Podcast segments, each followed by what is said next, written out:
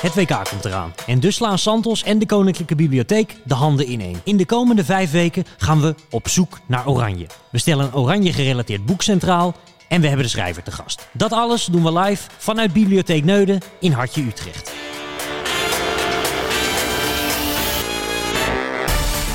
Naast mij zit Sjoerd Mossou, hoofdredacteur van Santos. Vorige week Bart, nu is aan jou eh, de eer. Ehm, een boek waar jij ook erg enthousiast van wordt, weet ik. Zeker, zeker. En tegenover ons... eh, Het boek dat alle mythes ontrafeld heeft. Voor mij wel, voor mij wel. En dat, eh, dat zal snel genoeg duidelijk worden voor de luisteraar. Want dat is iets van ver voor mijn tijd. En tegenover ons zit eh, de schrijver, eh Auke Kok, schrijver en journalist. Over tal van uiteenlopende zaken en personen.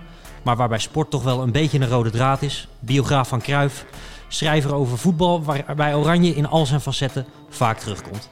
En zowel lezers als kenners smullen ervan, getuige de Nico Scheepmakerbeker voor 1936 Wij gingen naar Berlijn en 1974 Wij waren de beste. En daar gaan we het over hebben.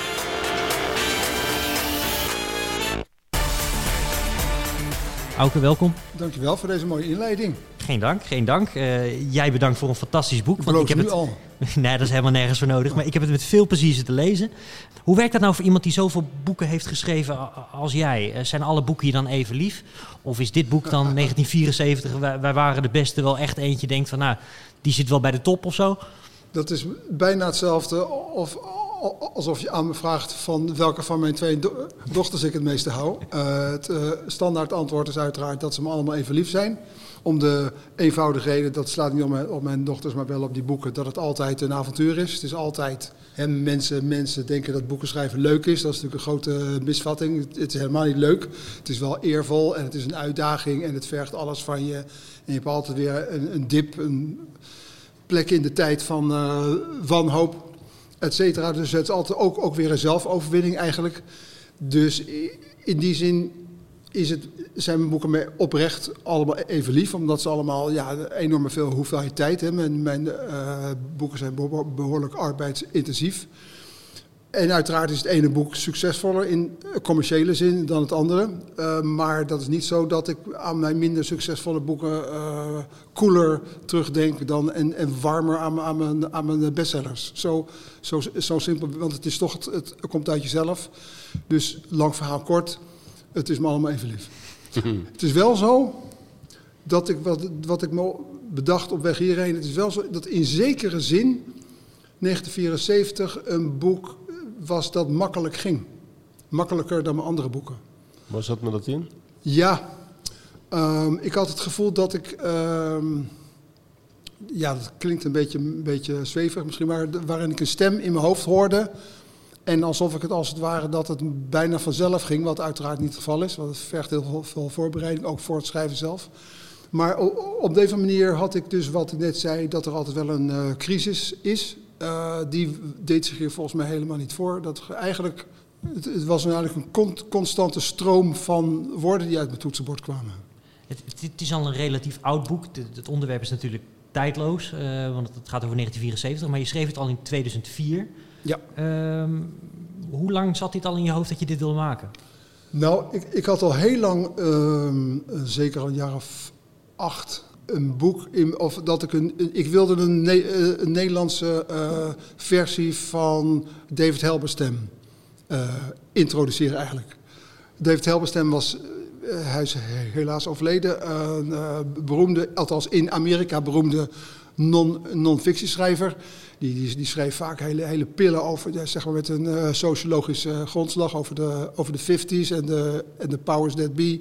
Echt in Amerika enorme kloeke werken. En dan tussendoor schreef hij sp- sportboeken.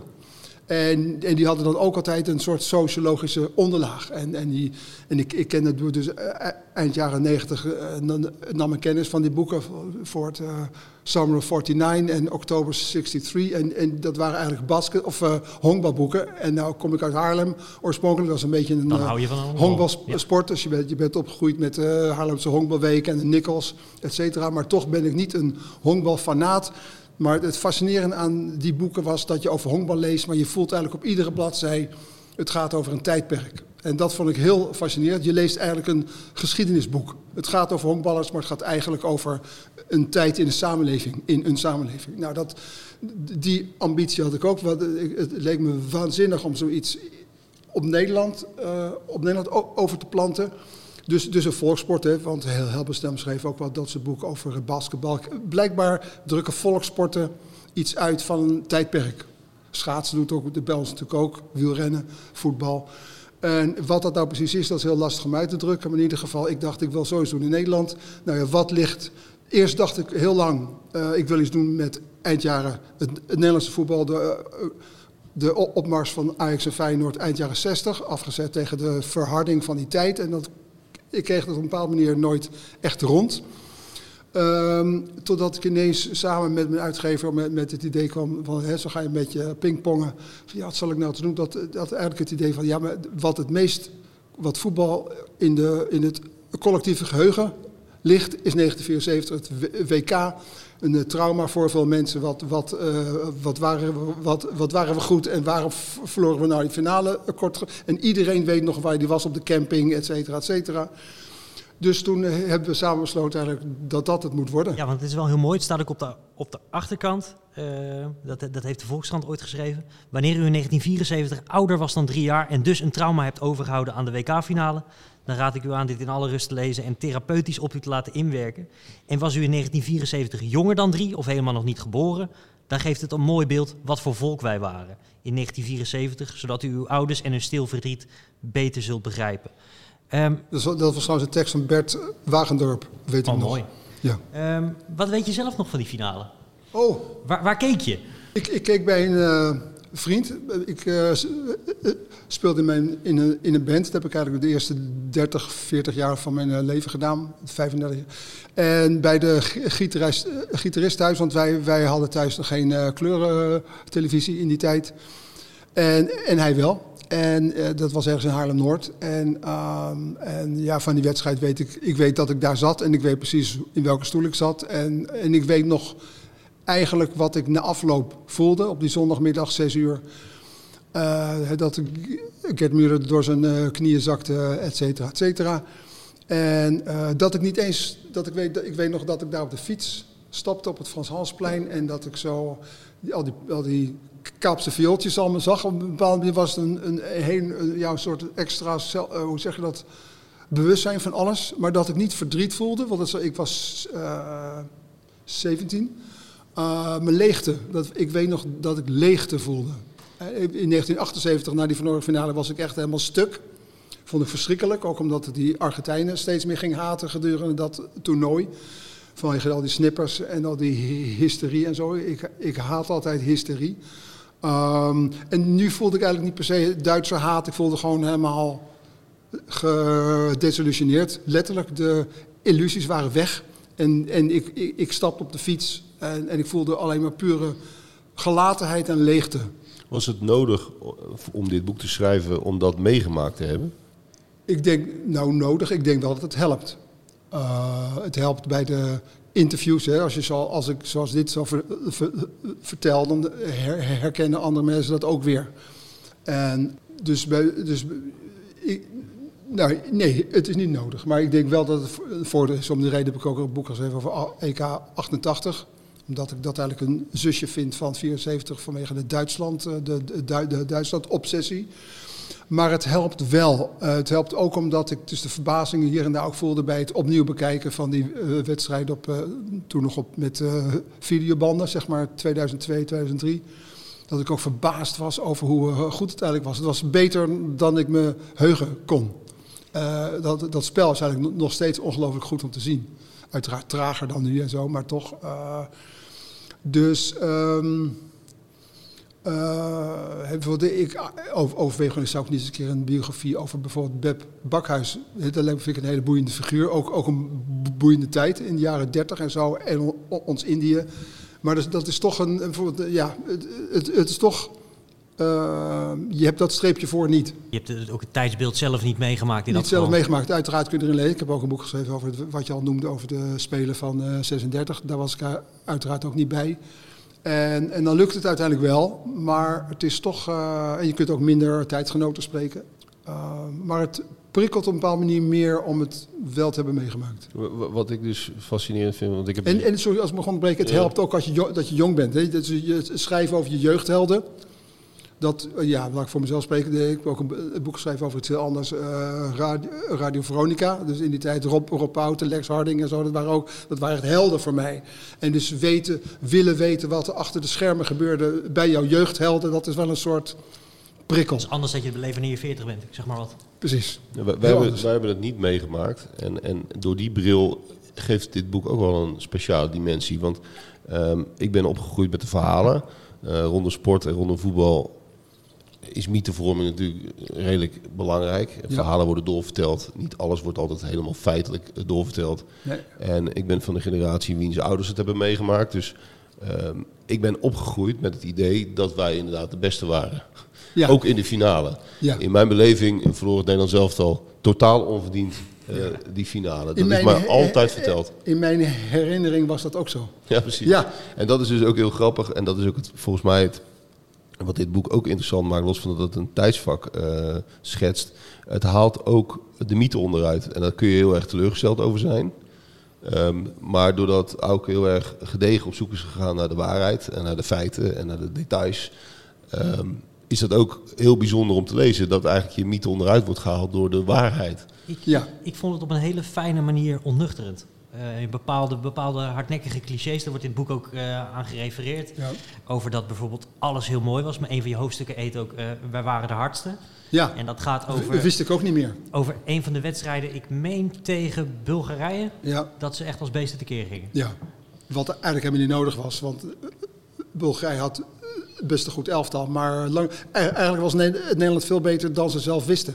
Dat is het grappige ervan. En omdat ze dus heel erg op het, op het buitenspel speelden, op dat, uh, wat tegenwoordig pressing heet, en toen jagen. Um, dat iedereen voor et cetera. Dus maar als iedereen, als de, als de tegenstander er toch doorheen kwam, dan hadden ze dus een vrij veld. Dus dat werd dan onmiddellijk, als we de bal niet hebben, dan hebben we wel een been. Dat was ongeveer de mentaliteit. Dus ze maakten in iedere wedstrijd verreweg de meeste over, over trainingen. Dat is eigenlijk, dat, dat zegt Sjoerd ook, dus de mythevorming komt ook omdat uh, heel vaak, of bijna steeds, werden dus de helden zelf erover geïnterviewd. En die geven toch een ander beeld, dat is ook heel menselijk trouwens, over wat ze deden, in van wat, ze, wat het werkelijk was. En, en, en, en altijd weer werden dus van die, van die uh, finale, als we het daar toch over hebben, uh, altijd weer bepaald, altijd weer de Nederlandse kansen getoond. Altijd weer. Nooit de Duitse kansen.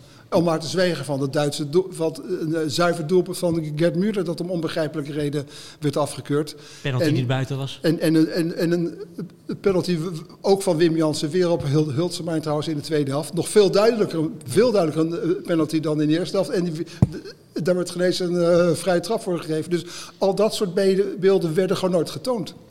Ik, wat mij vooral ook heel erg opviel was Nederland-Brazilië. Nou, het was geen halve finale officieel, want het was een pool. Nee, maar, het voelde als een halve finale. Ja, ja. In, in, mijn hoofd heeft dat altijd bestaan als... Dat was een soort van de hoogmis van het Nederlandse voetbal ooit. Ja. En dat, dat valt dan eigenlijk ook heel erg mee. Dat ja. vind ik wel mooi. Omdat we in Nederland toch wel altijd een beetje de neiging hebben om te denken... dat we altijd en overal de beste zijn en waren. In 98 hadden we ook zomaar even wereldkampioen moeten worden. Maar dat valt dan eigenlijk best wel mee. Zelf, zelfoverschatting ligt bij ons uh, altijd op de loer, gekoppeld aan, aan uh, gemakzucht. En uh, dat, ja, dat is gewoon onze aard, onze, onze voetbalcultuur. En um, dat, dat is daar zeker van, bij van uh, toepassing geweest. En, maar overigens, tot aan de finale was Nederland ook verreweg het beste. Ook beter dan Duitsland. Overal was Polen, eigenlijk had Polen de tegenstander moeten zijn. Die, waren ook beter dan Duitsland, maar die smoorden in hun, tussen aanhalingstekens, uh, finale in, in een soort, dat werd een soort modder, modderpoel, omdat het hoogste van de regen, waardoor het Duitse snelle veldspel niet, niet uit de verf kwam. Uh, eigenlijk had als, als, als, als de finale nou Nederland-Polen was geweest, dan had Nederland zeker gewonnen. Is mijn overtuiging. Is één ding waar ik de vinger niet helemaal achter kreeg. Uh, wat mij ook heel erg verbaasde in het boek was dat er eigenlijk voorafgaand aan het WK uh, altijd een beetje honend werd gedaan over het Nederlands elftal. En dat, dat van enige oranje stemming nul sprake was. Ja. En dat dat daar ineens was en dat verraste iedereen, inclusief de spelers. Maar waar kwam dat nou echt door? Was dat in Nederland zo zo gehyped of zo? Of, of hoe moet ik Nou dat zien? ja, het was re- redelijk in de buurt. Hè. Eh, De eerste wedstrijd was in Hannover. Trouwens, dat was toen al heel slim gedaan door de, door de FIFA... om de Nederlandse wedstrijd allemaal een beetje in de buurt van de, hè, eh, Stuttgart, eh, Stuttgart en... nee, niet zo, eh, Dortmund en, eh, en de- dergelijke. Ha- Hannover, de eerste wedstrijd. Gelsenkirchen. Ja, en dat was... Nee, ze werden in de laatste wedstrijd... zeg maar wat tegenwoordig een uitzwaaiwedstrijd heet... dat was een uitfluitwedstrijd. En met kreet als pipo, koeien, weet, ik nog.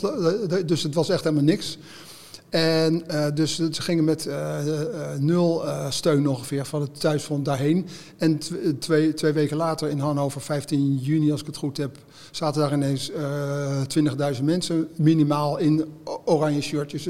Maar, en dat alles zonder, vrijwel zonder marketing. Wel zeggen spontaan, mensen waren in de auto gesprongen en naar Hannover gereden. Dus dat was eigenlijk iets wat niemand zag, zag aankomen. En wat de spelers tijdens het volkslied een enorme boost gaf over het volkslied, wat uiteraard ni- niemand kende. Dus dat werd alleen wat mega, mega want Of zelfs dat niet, want dat was cool. Het Nederlands elftal had natuurlijk ook helemaal geen rijke voorgeschiedenis de, de- van verwachtingen. Nee. Sinds- de sinds WK's daarvoor 30 hadden we allemaal gemist. Nee. Sinds, ne- sinds, sinds 1938 niet meer aan een eindronde meegedaan. Dus dat was, het was eigenlijk altijd, eh, altijd huilen met de pet op. Ondanks dat Nederland eigenlijk vaak toch wel goede spelers had. En het was heel, heel slecht georganiseerd. Spelers deden hun best niet. En, eh, of, er was weer een clash met de, met de Ajax-spelers die dan weg, weg eh, bleven. Natuurlijk ook weer. Altijd gedoe met sponsors en zo en verzekeringen. En dus, dus, dus het, wonderlijke is dat in de Nederlandse comp- competitie werd dus al jaren heel goed gevoetbald. Eh, Ajax, Feyenoord, maar ook Twente was toen heel PSV ook al. Sp- Sparta was heel goed, ADO. En eh, echt gewoon heel goed voetbal. En eh, Ajax en Feyenoord hadden vier keer achter elkaar samen de Europa Cup gewonnen, zoals de Champions League toen nog heette. Eh, dus was echt op een hoog niveau. In 1974 won Feyenoord de UEFA Cup nog en 75 FC Twente ook nog in de finale. Dus het was echt een, een, een brede top in Nederland die heel goed voetbalde. Maar het uh, Nederlands elftal was gewoon altijd uh, helemaal niks. Dus de, veel, veel, veel spelers gingen er ook met weinig verwachtingen heen. Toen je begon aan de, met de research van dit boek, hè, toen had je natuurlijk nog het, het sentiment van je eigen herinnering. Ja. Uh, dat, je, dat je een soort van teleurstelling misschien nog, uh, nog voelde. Was het moeilijk om er helemaal blanco in te stappen? Qua research, qua gesprekken? Had je enig idee waar het naartoe zou gaan? Nee, dat had, had, dat had ik eigenlijk niet. Ik ben er behoorlijk uh, onbevangen aan begonnen. Het is, ja, het is wel, wel zo dat er, dat er wel al spelers waren met uh, dagboeken en zo toen. Jan, Jan Jongbloed onder andere, de keeper, die het ook gewoon nog zelf schreef. Dat is ook al een, heel, iets heel bijzonders. En uh, nee, dit was wel, dus het is wel helemaal, ik heb die boeken van die Helberstem die ik straks noemde ook echt gespeld op dat front. Hoe je dat, die, die boeken worden pas goed als je echt als een soort autoriteit en met, ook met een zekere afstand het allemaal beschrijft. Wel betrokken, wel proberen die mensen naar voren te halen, maar zelf toch als een soort allesweter. Uh, en dat vergt gewoon een stapje naar achteren uh, allemaal te gaan opschrijven. En natuurlijk ook wel de, ja, is ook wel een soort prikkel om een stap verder te gaan dan tot dan toe gedaan was. En, en dan, ja, dan, ga je, dan vallen je ook gewoon dingen op. Als je een, een, wedstrijd helemaal ziet of een samenvatting, dat is vaak toch iets totaal anders. En uh, dat was trouwens, trouwens ook een van de leukere dingen. En, en spelers, dat was wel een voordeel. Dat het voor, voor, de, voor de helden van toen inmiddels alweer een behoorlijke tijd geleden was. Dus ze waren inmiddels wat minder geneigd om alsmaar weer op te scheppen. Wat ook helpt als je goed uh, voorbereid komt, dat ze al weten dat je, nou ja, dat, je dat wist van die, van die overtredingen of weet ik wat allemaal meer. En dus dat ging eigenlijk best eigenlijk wel makkelijk. En, en die research, um, is het, werk jij zo dat je eerst alle research doet voordat je de eerste letter, of nou ja, alle research, je doet tijdens het schrijven waarschijnlijk ook nog research, maar heb je eerst een soort research blok voordat je de eerste letter tikt? Ja, ik werk eigenlijk ongeveer hetzelfde als wanneer ik een uh, verhaal zou schrijven. Dus door eerst research, dus eerst uiteraard inlezen, alles lezen wat er al uh, gedaan is, uh, documentaires bekijken, et cetera, et cetera. Dat dan onder de historici de secundaire bronnen heet en dan... Um, dan eigenlijk een beetje de buitenring. Dus als waren dus zeg maar sportjournalisten die erbij waren. Dus met mensen als Frits Barend en zo. En uh, Herman Kuiphoff die, die, die toen nog leefde. Uh, dat soort mensen. Um, dus een stuk of drie, drie vier Uh, mensen met, met wie het heel makkelijk met benen op tafel praten is. En dan kom je ook weer tot ideeën en dan de makkelijkere figuren. Dus et cetera. En zeg maar de materiaalman, uh, Karel Akerman als me goed herinner. Een hele gouden, gouden bron. Frits Kessel, de bondsarts. Voor die mensen die er zo omheen hangen. Voor wie het eigenlijk vaak meer in, indruk uh, was, maakte die dat voor zelf op de wal waren. Precies. Ja. En dan geleidelijk aan komen de moeilijkste mensen, dus de meest ge geïnterviewde mensen, die, die, die gaan zeggen: Ja, dat heb ik al honderd keer verteld, die als laatste. Zodat je gelijk aan de telefoon al duidelijk kan maken: Ik weet dit al en ik weet dat al. Dat ze dus merken: Oh, dit, dit is andere koek. En dan die spreken. Ik denk nu aan Willem van Hanegem als je dat zegt. Bijvoorbeeld, uh, ja. die uh, wilde trouwens niet. Okay. Tot mijn verdriet. Uh, Marianne, zijn uh, latere vrouw, die, uh, die zei, ja, er was iets misgegaan met die fax. We spreken nog van, van, van mijn van faxtijdperk, of ik heb ook gebeld. Afijn. Ja, had ik dat nou geweten? Afijn, die hield toen de boot af. Wat, wat maar in ieder geval, zo, zoals nu vertelt, zo werk eigenlijk eerst uh, en dan al het materiaal ordenen, wat, al, dat, wat op zich al een hele klus is. Uh, materiaal ordenen, je, je moet het onder het schrijven heel makkelijk kunnen vinden. Dus alles in mapjes, op, op alfabet, et cetera, et cetera. En dan een indeling, een leidraad voor jezelf formuleren en dat pas gaan schrijven eigenlijk. Wat, wat, wat ik wel heel bijzonder vond, of nou, haast op het verbijsterende af bij het lezen van het boek, eh, ik zit hier met twee gerenommeerde journalisten, is de rol van de pers in 74. Die eigenlijk een beetje one of the guys zijn. Uh, ik kan me toch niet voorstellen, Sjoerd, dat als jij binnenkort het, WK gaat verslaan uh, voor het AD, dat je dan, uh, om maar de lieve vrede te bewaren, alles gaat goedkeuren wat, alles, wat er in dat team gebeurt. Nee, dat is fascinerend om te zien hoe dat enorm veranderd is. En, en nu nog weer meer dan, dan toen ik in de sportjournalistiek begon. Want ik heb het WK van 2010 meegemaakt, van redelijk dichtbij.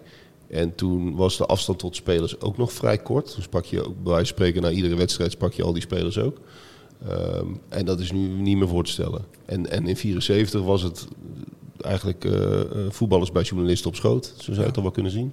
Ja, en, en Ben de Graaf van de Volkskrant, als ik het goed zeg, die, die eigenlijk als een soort dissident en landverrader werd geportretteerd omdat hij uh, durfde op te nemen tegen, tegen, de, tegen de ploeg.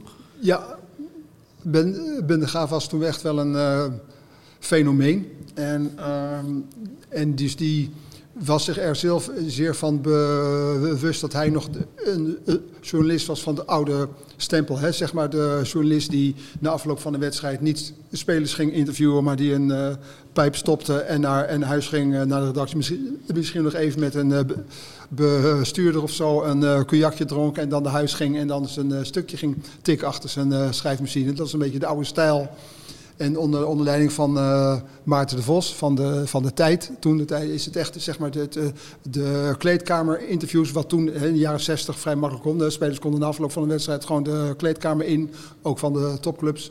Toen kwam dus het citeren in. En in, de, in het oogpunt van uh, Ben de leidde dat tot, tot, te veel, tot veel te veel vereenzelviging met die uh, spelers, et cetera. Maar dat heeft volgens mij, want ik las de, de als uh, knaap ook al... van dat, dat, dat leidde bij Ben Gaaf soms ook dat hij wat zurig ging doen. Uh, en soms bijna met een toon van leedvermaak als Nederland gewonnen had. Ik weet bijvoorbeeld dat ik vaak dus zijn verslag niet las als Nederland verloren had, omdat ik die uh, zuurigheid niet wilde. Dan kocht ik de Telegraaf. En um, dus, dus, dus, dus, dus die uh, spelers, het was onder, onder leiding van Cruijff, wie niet, wie niet met ons is, is tegen ons. Zoals Cruijff sowieso was. En, uh, en Ben de Graaf, ja, er was wel iemand die, die, die, die zat maar in hun ogen zure, zure stukjes te schrijven. En die verstoorde daardoor de eenheid rond in zelf. Dus, dus die werd in het zwembad gegooid met zijn uh, geruite colbert en pijp en paspoort en alles. En dat heeft hij als een terreurdaad ervaren. En was daar ook een soort nog stammenstrijd gekoppeld aan bepaalde kranten ja. in die tijd? Uh, ja, weet het, dat heeft... Um, uh, ik was nou even geval voor, bijvoorbeeld voor VI was, uh, want, want, de, want de Telegraaf was Ajax en het AD was Feyenoord. En VI had zich dus helemaal het, het, uh, het Nederlands elftal toegeëigend. En, en je ziet inderdaad, je, je zag toen ook dat zowel de, dus met name de Telegraaf en het AD tijdens dat toernooi ook aan het wedijveren waren van wie, ja, ze sprak natuurlijk allebei enorm uit. En, en ze hebben ook allebei een feestavond georganiseerd in Hieltroep, waar we zo waarschijnlijk zo nog ook wel over zullen hebben. Dus, het was je, dus dat, dat is ook interessant dat in die tijd zeg maar, de massamedia enorm oprukte in, in, uh, in belang. En voor, en, voor, en voor die krant was het natuurlijk echt een enorme, bijvoorbeeld in Bild in Duitsland ook, voor, zeg maar, voor de, voor de uh, volkse bladen een enorme boost voor een, voor een oplage ook weer. Ja, je noemde het zwembad al even. Het is denk ik het beroemdste zwembad van Nederland, maar het ligt in Duitsland. Ja.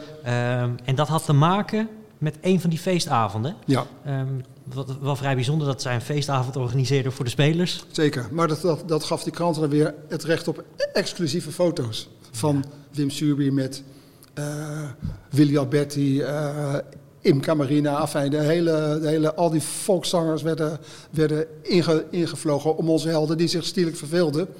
Want ze waren niet gewend zo, zo, zo lang van huis om die een beetje bezig te houden ook. En, en even voor de mensen die 50 jaar onder de grond uh, hebben gezeten. We hebben het hier natuurlijk over het zwembadincident. Ja, voor de finale. De, de zwembadaffaire. Nou, jij zegt net voor de finale. Dat viel dus uiteindelijk ook nogal mee. Hè? Het was ja, eigenlijk al een week eerder nog. Het, het, was op zondag. De zondag voor de zondag van de finale. Ja. Ik dacht ook altijd dat het de avond van tevoren was geweest. En dat, dat er toen uh, iets was gebeurd. Maar ik merkte wel dat toen we in, in dit hoofdstuk aankwamen... dat toch ook mijn hartslag toch ook een beetje omhoog ging. Ik denk van, wat oh, ja? is daar nou echt gebeurd? Ja, je, je hebt er zoveel over Omdat gehoord. Omdat je het, mythe, de, het, het mythische verhaal kende. Nee, als, ik, als, als, legende. Ja, ik, ik, ik ken het alleen in de grote lijnen. En omdat er in, al eerder in het boek ook wel wat, ja, wat hardnekkige clichés onderuit zijn gehaald, dacht ik van nou, ik ga er nou even goed voor zitten. En dan merk je dus eigenlijk ook uh, een beetje wat de achtergrond daarvan is. Hè? Dat dus de, de Nederlandse pers schreef niet over zulke dingen. Uh, maar ja, dat was buiten een paar uh, Duitse verslaggevers geregeld die er wel nou, in het hotel waren. Ja, ja. Uh, ja, dat was eigenlijk een uh, nasleep van, een, uh, van, van zo'n groot feest waar ik het net op had. Op, ik weet die data zelfs, volgens mij zondag 29 juni. Dus die middag had Nederland in de regen met 2-0 van de DDR gewonnen. En was daardoor zeker van de plek bij de laatste vier. Ze moesten nog die woensdag tegen Brazilië.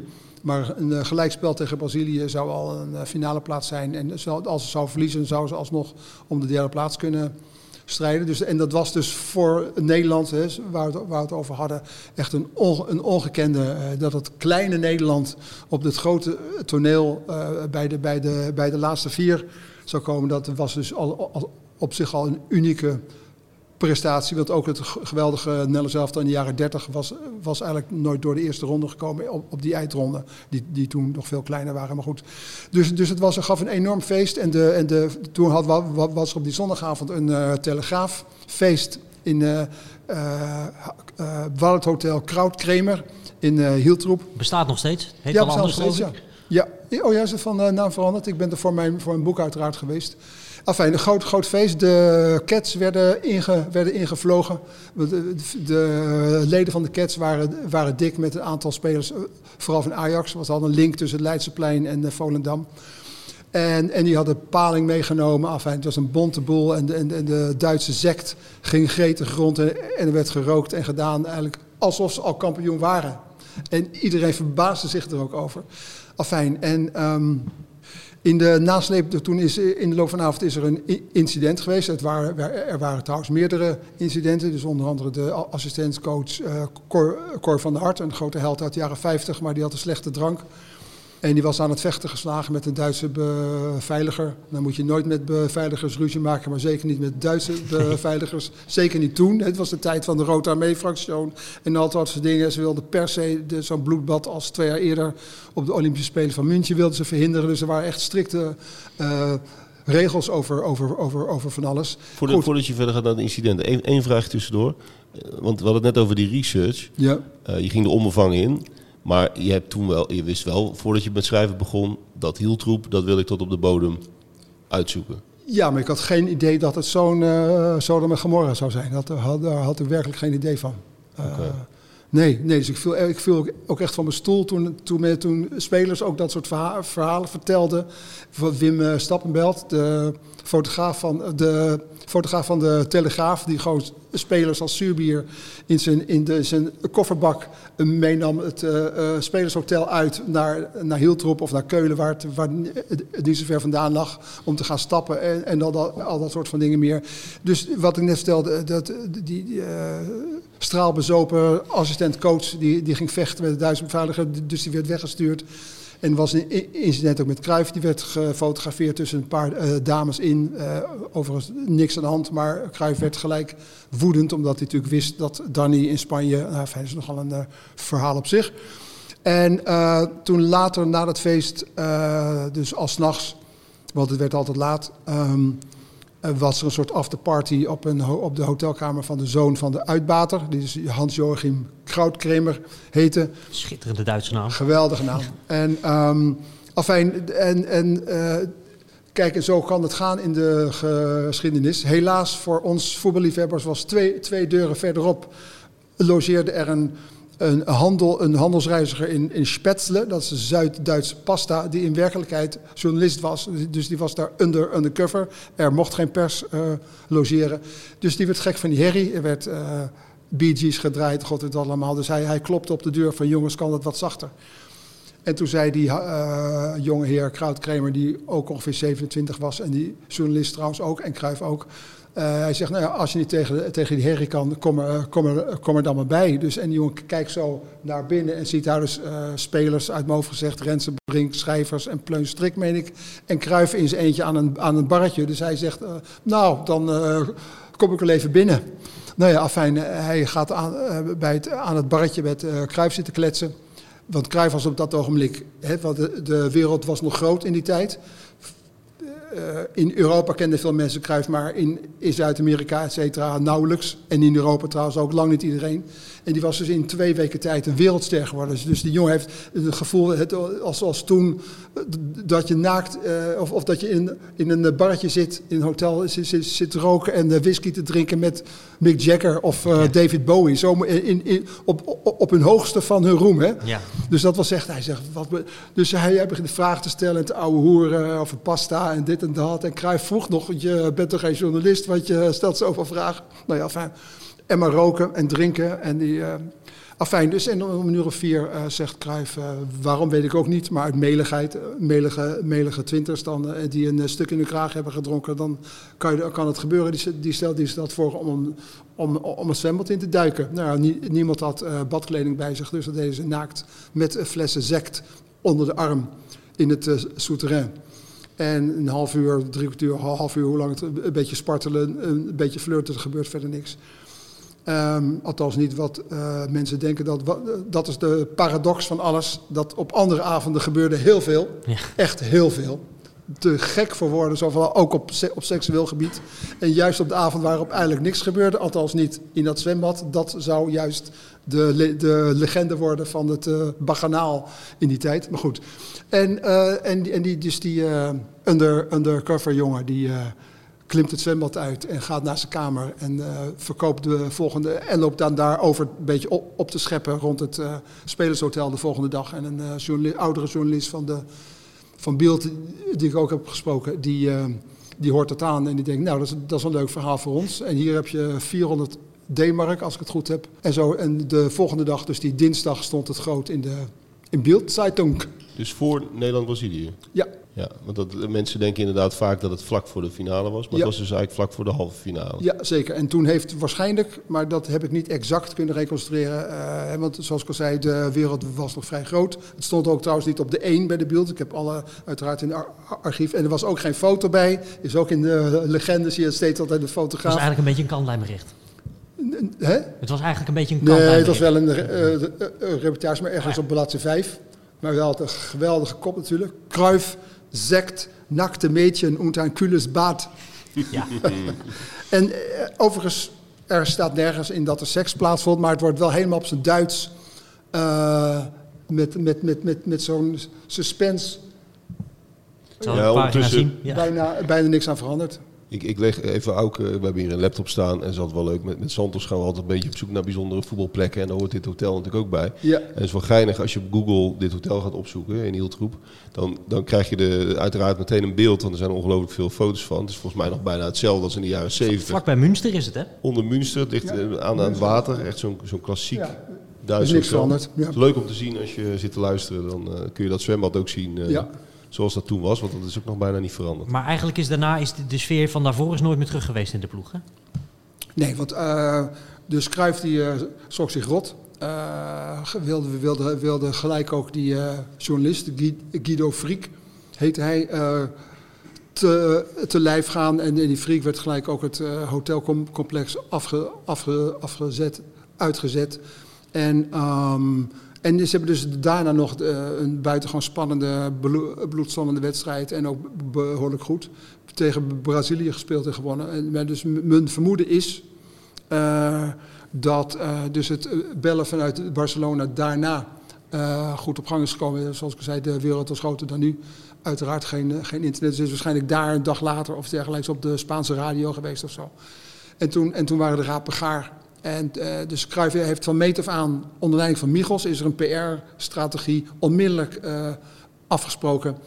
Jongens, dit is wat, er ook straks in staat. Nou, dat was dus op die dinsdag, laten we het simpel houden. Dus jongens, dat is allemaal geleugen. Dat is allemaal leugens. Dit is een, een, een, een hetze, wat natuurlijk een mooi Duits woord is. Een hetze van de Duitsers om ons moreel te ondermijnen... voor het geval we elkaar in de finale tegenkomen. De Duitsers moesten nog tegen Polen en Nederland nog tegen Brazilië. En, uh, dus dat maakt het al, doen, zouden Duitsers dat al gaan doen, terwijl ze nog, nog geen eens weten of ze wel in de finale zullen komen. Enfin, het is natuurlijk een beetje een raar verhaal, denk ik eigenlijk. Was het wat dat betreft niet een beetje een domme mediastrategie? Want ja.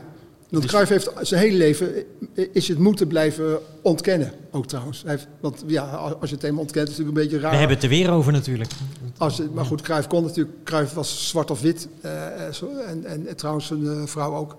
Uh, dus dus die, die, hebben altijd moeten blijven ontkennen. Terwijl ik heb zoveel, zoveel getuigen gesproken. Dat is, ik twijfel er geen seconde aan dat het waar is. Ik heb trouwens dus later dus die, uh, die uh, zoon van die uitbater, inmiddels zelf uitbater, 2003 denk ik, of twee, gesproken. En die Duitse journalist ook. Die hebben elkaar daarna nooit meer gezien. En ze vertelden me allebei exact hetzelfde verhaal. Ja. En ze mochten elkaar ook helemaal niet. Dus nee. gewoon, terwijl voor die mensen was het natuurlijk een once in the lifetime e-, e-, experience. Terwijl die Nederlandse spelers, die, die, die zaten zo vaak in spelershotels, zij het eh, niet zo lang. En die hadden geen, als vertier een uh, kaartje leggen en, en, een beetje vissen en rond het zwembad hangen. Dus die, die getuigenissen zijn ook niet zo betrouwbaar. Maar wel de getuigenissen van dat Cruijff dus iedere keer weer uh, naar zo'n telefooncelletje in de gang werd, werd gemaand. Telefoon van meneer Cruijff. En, uh, en er zijn Michels van, en uh, god, god, ja, ja, dan in ik ga niet hoor. Johan, ga nou maar wel, doe het nou maar. Dus en, er hebben wel zes, allemaal, uh, Cruijff stond, stond op een gegeven moment met zulke plekken onder zijn oksels, in zo'n celletje, weet je wel. Want de spelers mochten geen telefoon op de kamer hebben. Dus, dus het gebeurde allemaal in plain sight in, dat, in, de, in de hotellobby. Maar heeft Oranje dit, dit incident daarmee ook niet veel groter gemaakt dan het had kunnen zijn? Het stond ja. op pagina 5. Ja. Uh, waarschijnlijk, als ze zich er niet zo druk om hadden gemaakt, was het ook niet zo'n eigen leven gaan leiden. Dat denk ik ook. Als, altijd, als het gewoon, zeg, uh, gewoon niet, niet, niet, on, niet ontkennen en gewoon zeggen: Nou ja, oké, okay, het is gebeurd. Nou was dat voor Danny natuurlijk wel een heel een hard gelach, want die zat met drie kleine kinderen. Uh, Jordi was acht maanden oud. Uh, min, minder nog, uh, vijf. En uh, dus dat was, wel, een, dat was wel heel lastig, want die had wel een vinger in de pap thuis. En kijk, andere spelersvrouwen, die weten wel dat er af en toe wat gebeurt. En die, die Ma Maya Suber en zo, die, die wisten van, nou ja, fijn, maar het is toch een goede jongen, et, et cetera. Maar, maar Danny wilde juist per se niet een stereotype voetbalvrouwtje zijn. Dat is ook nooit geworden. Alleen dat, dat, dat, dat maakt het waarschijnlijk uh, lastiger voor Cruijff om te zeggen... oké, okay, we, we hadden een slok op, maar zelfs in dat stuk van Beeld, lees het dan, daar staat eigenlijk niks. Ja, nee. hij is de flirt, weet je wel, dat soort suggestieve taal. Maar er staat nergens dat er iets, eigenlijk iets gebeurde. Dus dat dat, dat, dat, dat volgens mij veel, veel meer kou uit de lucht gehaald als Michels en Cruijff dat zo, zo hadden, hadden gebracht. Uh, maar het werd juist, want dat pompte juist dat die anti-Duitse sentimenten enorm op. Ja. En de Telegraaf deed eraan mee, Duitse hetsen, weet je wel. Dus het, de, waar we het straks over hadden, dat de Nederlandse pers eigenlijk als één, als, als één werd met die spelers. Dus iedereen deed aan die... Dus zie je wel, die vuile moffen zijn weer bezig om ons... Ze, ze deugen nog altijd niet. En nu, gaan we, nu gaan we wraak nemen voor, voor, voor mei 1940. Dus het, het werd veel meer dan gewoon een wedstrijd winnen. Wat voor mijn gevoel, um, dat is ook het beeld wat ik er altijd een beetje bij had... was dit echt een soort van dat hele toernooi was een soort uitvloeisel van de oorlog. En dat viel Ja. eigenlijk best wel mee. Ik geloof dat de, de Duitsers waren heel erg gek op de Nederlanders. Ja. Eh, de Nederlanders waren ook allerminst ontstemd over hun ontvangst daar. En, en door de Duitse supporters. Dat was eigenlijk, dat pompte zich pas op in die laatste week naar de finale toe. Toen werd het opgepompt en met name ook door de wat oudere eh, journalisten. Die gingen van, eh, hey, jongens, je moet nou er- tegenaan en die vuile moffen pakken, weet je wat. nou, Terwijl voor de meeste spelers, die waren A van na de oorlog, uiteraard. De enige die echt een Duitsland-complex had, was van, van, Ha- van Hanegem. Die had eh, familie verloren met het bombardement op eh Breskens, meen ik. Ja. 44 of februari 45, geloof ik, daar Ja. Dus die, Zijn die, vader, hè? Ja. Ja. dus, dat, dus daar zat het echt diep. Eh Jongbloed ook wel. En, eh, maar bij een aantal spelers ook. Cruijff niet bijvoorbeeld. En eh, dat, dat is in ieder geval mij. En dat heeft het allemaal veel, te- naar mijn overtuiging, veel te veel onder, onder druk gezet. Er werd veel meer gepraat over de moffen en dit en dat. Daar, daar, daarom zei ik ook straks, hadden we hadden nou maar gewoon tegen, tegen, tegen Polen moeten spelen... die eigenlijk een betere elftal hadden. Maar dan was Nederland niet zo met die... Het is veel te veel een complex Wat ik wel heel, heel mooi vind ook, is dat je, je, je schrijft natuurlijk in, in het grootste gedeelte gaat over, over Nederland en over het Nederlands elftal. Ja. Maar toch ook gedurende de, de hoofdstukken heb je ook wel een duidelijke verhaallijn over de Duitsers gekozen. Ja. Eh, Vanaf, vanaf het moment dat, dat het toernooi nog moet beginnen, dat de heibel is over allerlei sponsorgelden. Ja. En je groeit eigenlijk ook een beetje met Duitsland mee in het, in het toernooi. Is dat ook iets wat je van tevoren al wist, voordat je dit boek ging schrijven, dat je dat ook zo aan wilde vliegen? Want je ziet eigenlijk, eh, natuurlijk wel met een duidelijke verdeling in het voordeel van Nederland, maar je, je, je gaat eigenlijk aan de hand van twee ploegen, ga je naar de finale toe. Ja, nou, uit dat is, dat is het voordeel van non-fictie. Je weet al dat dat de finale zal, Ja. zal, zal worden, dus dat is ook, ook niet zo ingewikkeld. Maar wat, wat mij ook al snel trof is de, en dat deed ik waarschijnlijk op de, ook aan mee hoor, ik bedoel, ik ben niet heilig. eh, dat die Duitsers werden ook vaak een soort, ja eigenlijk helemaal geen mensen voorgesteld. Dus het waren een soort Karikaturen. soldaten, Ja. bord, bordkarton. En eh, dat eigenlijk heel chauvinistisch. Eigenlijk ook heel provinciaals zelfs, durf ik wel te zeggen. En dus dat, dat, dat, dat viel me heel erg op. Eh, we deden toch, wij en de spelers, zeg maar heel grinnikend, neer, neer, neerbuigend zelfs over, over Duitsers. En over die, die Duitsers ook. Terwijl toen daar, toen ik dus die eh, eh, Duitse literatuur erop na ging slaan... en inderdaad ook wat je net eh, opnoemde, ook, ook zag dat zij... Oh, even goed dat in de aanloop naar het toernooi...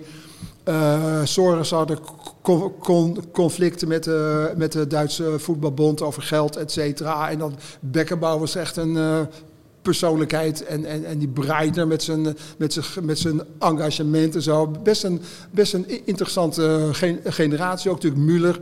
En zo, maar ook, ook daar, die, die, over die Gerd Müller, de spits van Duitsland, werd ook altijd neer, neerbuigend gedaan. Ik weet ook nog spelers die, die ik toen sprak, rap ook geloof ik, dat, was, dat hoort echt een hele goede, echt een hele, maar het was een afmaker en in, in, het, in onze voorstelling van voetballen moet een voet, ook een spits moet af hebben. Dat, dat gedoe allemaal, dus het werd neer, neer dus, dus ik vond het ook leuk om dat, om dat bord, bordkartonnen beeld, eh, om de Duitsers menselijk, net zo menselijk als wij te maken. Nou, dat, dat vind ik wel sowieso een van de hoogtepunten van, van, van het boek. eh, is hoe je eh, gedurende de hoofdstukken en op, op momenten waar het, waar het toe, er zich toe leent. Eh, hoe je eigenlijk dan een pagina of twee, drie eigenlijk ingaat op de persoonlijke achtergrond van een bepaalde speler. Of het nou Wolfgang Overaat is, die, die uit een bescheiden gezin in Keulen komt. Ja. Of eh, hoe je in de finale begint over, over Van Hanegem en, en zijn, zijn Duitsland-complex. Ja. eh, zeg maar, Krol, Rensenbrink. Dat vind ik wel heel gaaf. Ja, Natuurlijk het verhaal. Rensenbrink, ja, hij is overleden. Het is eigenlijk een van de meest... Ik heb heel, heel veel mensen geïnterviewd in mijn leven, maar dat interview met Rensenbrink is me heel goed bijgebleven. Wat was dat een prettig, prettige, bescheiden man. En heeft ook na het voetballen eh, nooit meer iets gedaan. Daar bij Landsmeer, waar u weet het de- Den, Ozaan? Den Ilp. Ja. Ozaan, precies. Een beetje vissen en zo. En ik zat in het huis van hem. En, nou, en, eh, hij, hij was geen spreker, Rensenbrink. En dus, dus, dus na, na een kwa- kwartier had ik vier vragen gesteld. En toen, toen begon hij op zijn hor- horloge te kijken van nou, nu is het toch een mooi. Maar ik vond zijn levensbeschrijving vond ik zo boeiend. Die armoede, dat alleen maar een bal... eh, het, enige wat hij in zijn jeugd heeft gehad is een bal, weet je wel. En dan, en dan sp- spreekt op Cruijff lijken. Eigenlijk in veel opzichten e- even goed kunnen voetballen als Cruijff, maar niet die, ver, die verbale gave. Dus ik bleef, maar, ik bleef hem maar vragen stellen. En, eh, en dat hij ook zei, grappig, dan zie je, zie je vaak toch ook dat topvoetbal en het gewoon voetbal, dat ook weer niet zo ver van elkaar af ligt. Dat hij in het begin heel erg de indruk had dat die Ajaxide, die wilde uh, Keizer, hun teamgenoot Piet uh, Keizer in het elftal hebben. Hij zegt in de eerste trainer, ik kreeg geen bal van ze. Nee. Ze gaven al die kruif en zo, maar ook, ook van Adegem, die toch in dat kliekje zat, ook die ballen steeds aan de Keizer geven. Dus dan zie je hoe, hoe die stille, zwijgende Rensenbrink, die een briljante voetballer was, een, een van onze beste ooit in, stilte leidt in zo'n in zo'n zo'n selectie. Godverdomme, ik krijg die bal niet. En dan geleidelijk aan. Dus dat in de tweede wedstrijd tegen Zweden, terwijl ze in de eerste wedstrijd geweldig al speelden, dat dan. Ik heb helaas uh, dat, dat, dat Michels dus in de tweede wedstrijd keizer opstelt. Je zou zeggen, waarom ga je iets veranderen? Het is, een raadsel, is mijn stellige overtuiging op, op, op, op verzoek van Cruijff. Geef Een kans. Nou, hij speelde als een draak die wedstrijd. Echt zo verschrikkelijk slecht. Dus daarna is Rensenbrink erin gebleven. Maar, maar dat, dus daar vertelde hij, want ik beleef daar gewoon maar zitten. Ik ben er uiteindelijk drie uur geweest in het huis in Oostzaan. Uh, heeft hij me alles, alles verteld. Het was echt heel uh, bijzonder. Heeft dit boek um, in dat opzicht ook een beetje de, de kiem geplant of gelegd voor je kruifboek? In de zin dat je hier door het werk en de research dat je voor dit boek hebt gedaan... misschien ook wel een beeld van Kruif kreeg dat voor veel mensen misschien nieuw was? Nou, dat, dat soort dingen hebben, hebben wel een uh, rol gespeeld. Omdat natuurlijk ook Cruijff uh, bij, bij leven al en zeker na zijn dood ook weer een mythe werd. En, en dus het, het verhaal verengt zich tot, tot een aantal spreuken die dan steeds weer worden herhaald, et cetera. Dat, dan, dan heb je gewoon mythe, dat is gewoon met sport zo. En dus ik wist gewoon van een aantal dingen dat, die, dat, dat, dat Cruijff ook echt een keerzijde had in zijn persoonlijkheid. En dat is op zich geen schande, dat, dat we allemaal. Maar dat hij dus als, als aanvoerder bijna een soort bendeleider was. Hè? Je bent voor mij of tegen mij, et cetera, et cetera. Toen het wegtreiteren van, uh, van, van Bever en uh, van, van de Kuilen en zo. Wat ook hele, hele goede spelers toen waren. Ja, dat is gewoon een keerzijde van de persoonlijkheid. Ik bedoel, uh, Gullit vertelde mij, voor mijn boek over 88 dat hij in, het, uh, in de kantine of, of onderweg of in zo'n spelershotel onder het eten expres bij Berg van Aarle ging zitten. Een bescheiden jongen uit uh, Brabant die natuurlijk met de nek werd aangekeken door uh, Van Basten en Van Schip en zo. Dan gaat een aanvoerder, die, gaat, die ook uit Amsterdam komt, Hoewel, hoewel geen Ajax ziet, maar toch uit Amsterdam en de stoer en zelfverzekerd. Die ging gewoon iedere keer bij Berry zitten. Zo van, jij hoort er ook bij. Dat is eigenlijk wat je van een aanvoerder verwacht. Maar zoals Cruijff dus helemaal niet was. Cruijff was van, ik weet hoe het zit en, en ik moet een aantal mensen om mij mee hebben die mijn wil helpen verwezenlijken. Ik kan je ook zeggen, dat komt ook omdat Gillet niet zo'n duidelijke wil had over het voetbal. Maar Cruijff wel. Maar dat is niet zijn... Uh, mooiste eigenschap. En in, in 74 eigenlijk gewoon ervan uitgaande dat het door Cruijff kwam, dat opstellen van Keizer, vind ik raadselachtig. Want ook niet in het belang van het team. Um, dan, dan toch nog even over de finale. Natuurlijk niet de, de fijnste bladzijde van het boek voor ons als Nederlanders. Maar um, het boek heet We waren de beste. Maar eigenlijk was het helemaal niet zo onlogisch dat we die finale uiteindelijk verloren, toch? Nee, toen ik die wedstrijd opnieuw uh, terugzag, en niet alleen terugzag, maar ook echt helemaal uitgeschreven, kansen tellen, et cetera, et cetera, was inderdaad toch een hele andere wedstrijd dan ik mijzelf ook herinnerde. Want in mijn herinnering was zeker de tweede helft Nederland alleen maar aan het aanvallen en kans op kans gemist, omdat Sepp, Sepp Meijer, de Duitse keeper, in de wereldvorm stak, wat hij ook deed trouwens. Uh, maar dus, dus ik heb ongeveer geturfd, uh, ongeveer, allebei bij de ploegen ongeveer vijf à zes kansen. Uh, waarbij dus Duitsland, zoals gezegd, nog een penalty had moeten hebben en nog een derde haarzuivere goal maakte. Uh, die werd, die werd afge, afge, afge, afgekeurd. Um, dus ik, hou, ik zeg gewoon maar een beetje zo neutraal mogelijk dat Duitsland niet onverdiend won. Lijkt me een goeie. Um, ja, ik heb het met heel veel plezier gelezen en ik kan het iedereen aanraden. Ook zeker de jongere generaties. Voor wie, als ik voor mezelf mag spreken, het soms toch een beetje ja, ver weg klinkt. En, en het is natuurlijk ook een hele andere tijd. Maar zeker het tijdsbeeld uh, wat ik erover heb geleerd, vond ik uh, zeer interessant. En het is nog steeds te huren, uh, of te huren, te, te, lenen bij de online bibliotheek. www.onlinebibliotheek.nl staan duizenden e-books op en ook luisterboeken. En dit boek is daar geen uitzondering op. Wat heb je zelf nog, ehm, heb je zelf nog een tip die je mee kan geven aan luisteraars, fanatieke lezers? Wat is nou een sportboek of een voetbalboek misschien WK-gerelateerd boek wat mensen absoluut niet mogen missen? In de aanloop naar de, dit WK? Bijvoorbeeld, of is, ja. Of is algemeenheid? In zijn algemeenheid mag, maar als jij een hele goede tip hebt naar dit WK toe... Uh... verblijdt ons. Nou, denk er Ehm, nog even over na, terwijl ik je nog één vraag stel over de Ja. finale. We hebben nog wel een paar minuten. Was je zelf, want je, je, je was verbaasd omdat je het anders had beleefd. Is het ook de belangrijkste ontdekking die je hebt gedaan in het boek? Dat we die finale eigenlijk terecht verloren? Wat, wat, wat, Nou, ik vond zelf, eh, ja, ja dat, dat is zeker een, eh, maar dat was eigenlijk de makkelijkste. Omdat dat is gewoon een kwestie van niet naar, een, niet, niet naar een samenvatting gaan, gaan zitten kijken. En naar een, een gekleurde samenvatting ook nog eens. Maar gewoon naar een, naar een hele wedstrijd.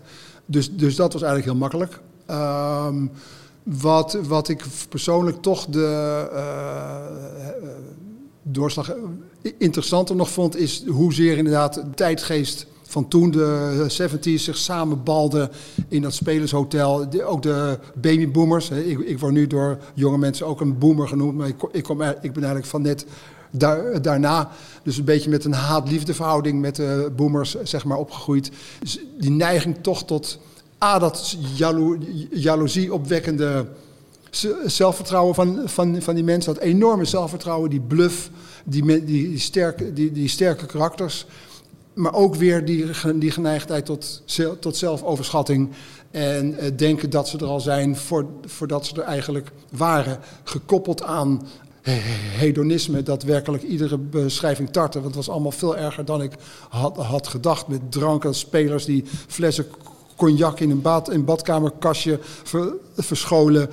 Iedere dag de drank zowat en, en kaarten om verschrikkelijk veel geld en roken en, en, en, meisjes overal.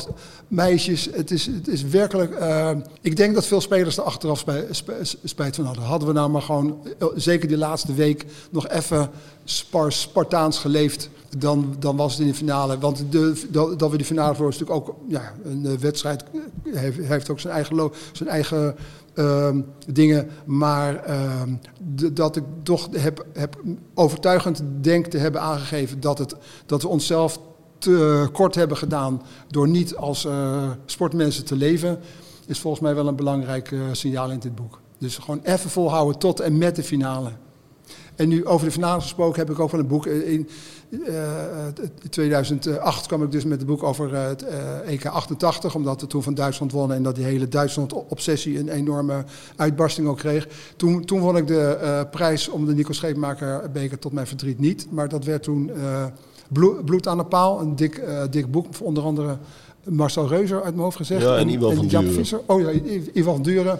Dat zou ik eigenlijk wel aanraden. Was zeker een heel goed boek. Pra- prachtige foto's ook. En zeker ook in de aanloop naar eh, Qatar. Ook eigenlijk een, naar Argentinië hadden we eigenlijk niet moeten gaan. Want we hebben, we hebben meegedaan aan de PR voor Fidela. Nu gaan we meedoen aan de PR van Qatar. Tenzij onze spelers belangrijke signalen gaan afgeven.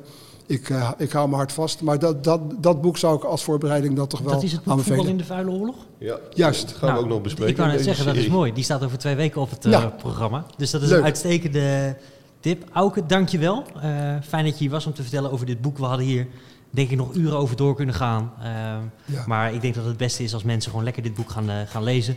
Eh, al dan niet in de bibliotheek, maar het is ook zeker nog te koop. Ehm Dankjewel. Wij zijn de volgende week weer. Dan ontvangen we Hugo Lochtenberg met zijn boek De Hand van Van Gaal. Dit was Op zoek naar Oranje van deze week. Een gezamenlijke productie van Santos Voetbalplanet en de Koninklijke Bibliotheek. En volgende week zijn we er weer.